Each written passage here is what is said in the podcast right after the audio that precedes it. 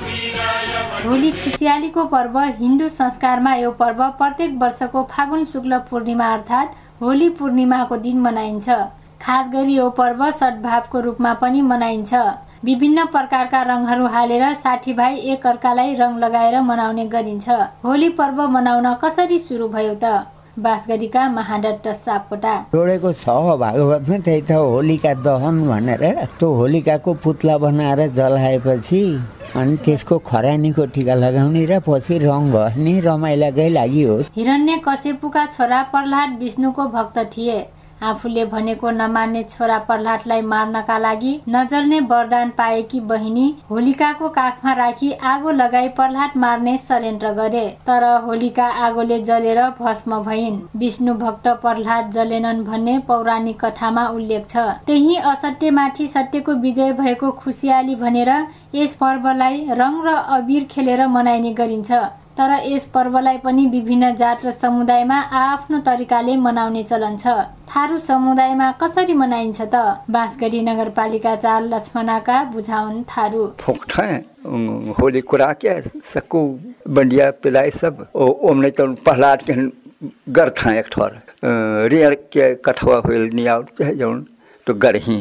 तो जब डमके लागी होली तो वो जानो कि बलवान लड़का चाहे जे कोई वह के निकाल के बेग दी। तू है हो प्रहलाद तो वठन से जानो कि होली मांग माने लगने। जय गटे उहे गटे आई तो जानो कि वह त्योहार माने लगने। होली पर्वलाई जथाभावी लोला हाल्ने रङ छ्यापिदिने र नसालु पदार्थ सेवन गरी आनन्द लिने दिनका रूपमा पनि यसलाई प्रयोग गर्न जमातहरू बढ्दै गएको छ। जुन गएका वर्षहरूको अभ्यासले देखाउँछ। होली पर्वलाई मर्यादित पर्वको रूपमा कसरी मनाउन सकिन्छ त? बाँसगढीकी पवित्रा गेवाली। होली हाम्रो परम्परागतबाटै चलिआएको एउटा संस्कार हो एउटा चाडपर्व नै हो। यसलाई होलीलाई नै हटाउने भन्ने कुरो त हुँदैन। यो राम्रो चिज हो। तर हामीले यसलाई चाहिँ विकृति तरिकाले गर्नु भएन। पहिला पहिला केही मात्रामा विकृति पनि हुन्थे त्यो हामीले बनाएको विकृति हो। त्यसलाई हामीले अब बुझिसकेर यो चिज राम्रो होइन यसले गर्दा नकारात्मक असर पर्छ भन्ने कुरा नभएर हामी सकारात्मक पक्षतिरबाट राम्रो तरिकाले सम्मानजनक तरिकाले खेलेर होलीलाई चाहिँ राम्रोसँग मनाउनु पर्छ धेरै रङ र अबिर दलेर रमाइलो गर्ने गर्दछन्। यसरी जथाभावी रङ अबिर दल्नाले छालामा कस्तो असर पार्छ त? बाँसगढी स्वास्थ्य संयोजक सुरेश कुमार रेग्मी। विगतदेखि नै होलीमा चाहिँ होलीलाई एक किसिमले रङको पर्व पनि भनिन्छ। कतिपय थाहा भइसकेका कुनै पनि रङ रङ परेकोबाट एलर्जी हुने आँखाहरू दुख्ने हातखुट्टामा चिलाउने आदि इत्यादिहरू शरीर चिलाउने भएको मान्छेले पहिले नै मलाई रङले खराब गर्छ है। मलाई रङ एलर्जी हुन्छ भनेर नखेल्दा उपयुक्त होला र अबिरहरू लगाउँदा पनि शरीरको महत्त्वपूर्ण अङ्गहरू आँखा मुख नाकहरू कानहरू लगायतका अङ्गहरूमा चाहिँ डाइरेक्ट नगसेर अन्य सामान्य अङ्गहरूमा चाहिँ प्रयोग गर्ने। नमस्कार साथीहरू। शब्द एकाडेमीमा स्वागत छ। आजको यस भिडियोमा म दिगो विकास सम्बन्धी सामग्री लिएर आएकी छु। आउनुहोस् सुरु गरौँ।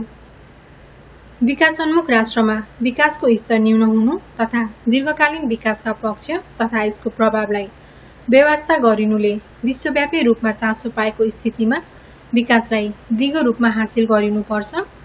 आजको विकास भोलिको पुस्ताको लागि विनाशको कारण बन्नु हुँदैन। अर्थात् एक पुस्ताले विकासका कार्य गर्दा अर्को पुस्ताको आवश्यकता हरण हुनु हुँदैन भन्ने नै दिगो विकासको अवधारणाको मूल आशय हो। Sustainable development means meeting the needs of the present generations without compromising the needs of future generations. आउनुहोस् अब दिगो विकासका सिद्धान्तहरूबारे जानौँ। यसका सिद्धान्तहरूमा पारिस्थितिक पद्धतिको संरक्षण मानवीय स्रोतको विकास समाजको दिगो विकास जैविक विविधताको संरक्षण जनसङ्ख्या नियन्त्रण पृथ्वीको वहन क्षमतामा ध्यान दिने सांस्कृतिक सम्पदाको संरक्षण र जनसहभागितामा वृद्धि रहेका छन्। त्यसै गरी दिगो विकासका विभिन्न आयामहरू यस प्रकार छन् जस अन्तर्गत पहिलो रहेको छ आर्थिक आयाम। आर्थिक क्षमताले भ्याउने मात्र विकास गर्नुपर्छ। स्रोतको सिर्जनामा निरन्तरता हुने कार्य मात्र दिगो विकासका हिसाबले उत्तम मानिन्छ।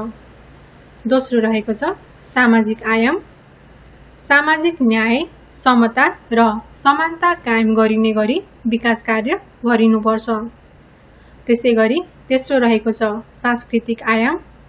सांस्कृतिक सम्पदा मूल्य र मान्यताको संरक्षण गरिनुपर्छ।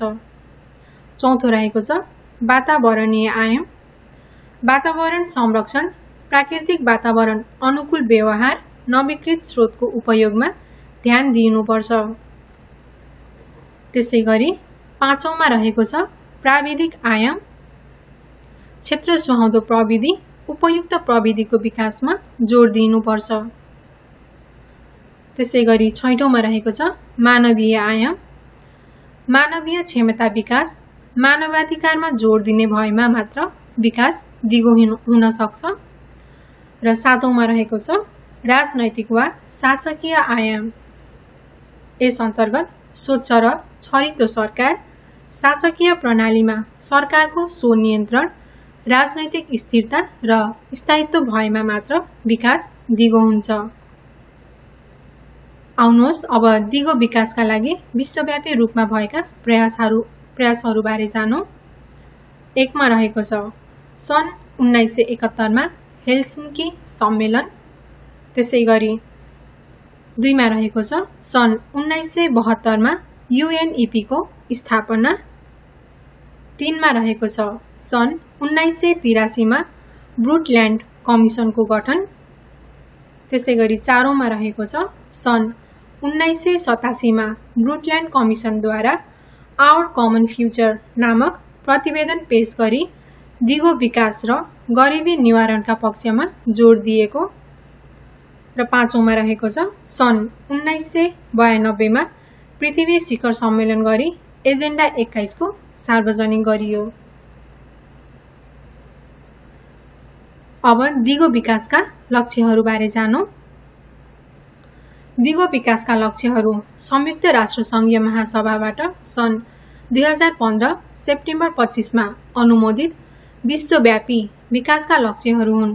सन् दुई हजार सोह्रदेखि सन् दुई हजार तिससम्मको पन्ध्र वर्ष अवधिमा हासिल गरिसक्नुपर्ने गरी यी लक्ष्यहरू निर्धारण भएका हुन्।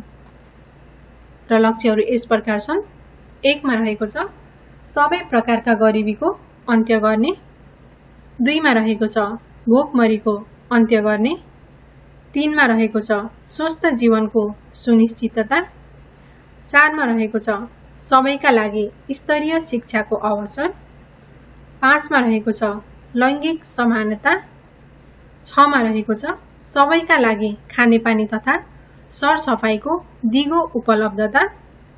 सातमा रहेको छ सबैका लागि आधुनिक ऊर्जाको पहुँच। आठमा रहेको छ। दिगो आर्थिक वृद्धि एवं सम्मानजनक रोजगारी। नौमा रहेको छ सबल पूर्वाधार। दसमा रहेको छ असमानता न्यूनीकरण। एघारमा रहेको छ स्वस्थ एवं सुरक्षित मानव बसोबास। बाह्रमा रहेको छ दिगो उत्पादन र उपभोग। तेह्रमा रहेको छ जलवायु परिवर्तनका असर न्यूनीकरण। चौधमा रहेको छ समुद्र र समुद्री किनारको संरक्षण र दिगो उपयोग। पन्ध्रमा रहेको छ जैविक विविधता संरक्षण। सोह्रमा रहेको छ सुदृढ संस्थागत व्यवस्था न्यायमा पहुँच र जवाफदेहिता। र त्यसै गरी सत्रमा रहेको छ दिगो विकासको लागि विश्व साझेदारी। अब आउनुहोस्। यसैसँग सम्बन्धित केही वस्तुगत प्रश्नोत्तरहरूबारे जानौँ। प्रश्न नम्बर एकमा रहेको छ भविष्यका पिँढीका आवश्यकतासँग सम्झौता नगरिकन वर्तमान पिँढीका आवश्यकता परिपूर्ति गर्नु नै दिगो विकास हो भन्ने परिभाषा कसको हो? उत्तर रहेको छ ब्रुटल्यान्ड आयोग। प्रश्न नम्बर दुई वातावरण तथा विकास सम्बन्धी विश्व आयोग ब्रुटल्यान्ड आयोगको गठन कहिले भएको हो? उत्तर रहेको छ सन् उन्नाइस सय तिरासी। प्रश्न नम्बर तीन। वातावरण संरक्षण बिना दिगो विकास असम्भव छ भने दिगो विकासका अन्य अन्य अवयवहरू जस्तै शिक्षा स्वास्थ्य आर्थिक उन्नति आदिको समुचित विकास बिना कुन कुराको संरक्षण असम्भव छ?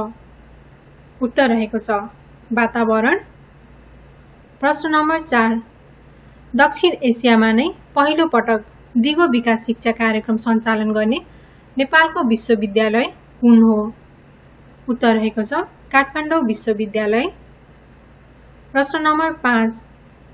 सन् दुई हजार दुईमा दिगो विकास सम्बन्धी विश्व शिखर सम्मेलन कहाँ भएको थियो? उत्तर रहेको छ जोहानेसबर्गमा। प्रश्न नम्बर छ। दिगो विकासको अवधारणा नेपालमा कुन योजनादेखि सुरु भएको हो? उत्तर रहेको छ आठौं योजना। प्रश्न नम्बर सात सर्वप्रथम ब्रुटल्यान्ड कमिसनले कहिले दिगो विकास शब्दको प्रयोग गरेको थियो?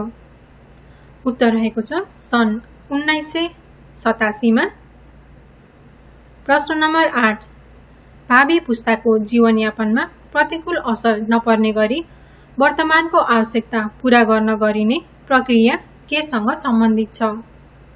उत्तर रहेको छ दिगो विकास। प्रश्न नम्बर नौ। एजेन्डा एक्काइसमा आधारित दिगो विकास कार्यक्रम नेपालमा कहाँ सञ्चालित छ? उत्तर रहेको छ दाङ सुर्खेत र कैलाली। प्रश्न नम्बर दस। ब्रुटल्यान्ड कमिसनले सन् उन्नाइस सय सतासीमा दिगो विकासको अवधारणालाई समावेश गरी तयार पारेको प्रतिवेदनलाई के भनिन्छ? उत्तर रहेको छ हाम्रो साझा भविष्य। साथीहरू तपाईँलाई यो भिडियो कस्तो लाग्यो? कृपया मन पर्यो भने लाइक र कमेन्ट गर्नुहोला र हाम्रो च्यानललाई सब्सक्राइब गर्नुहोला। धन्यवाद।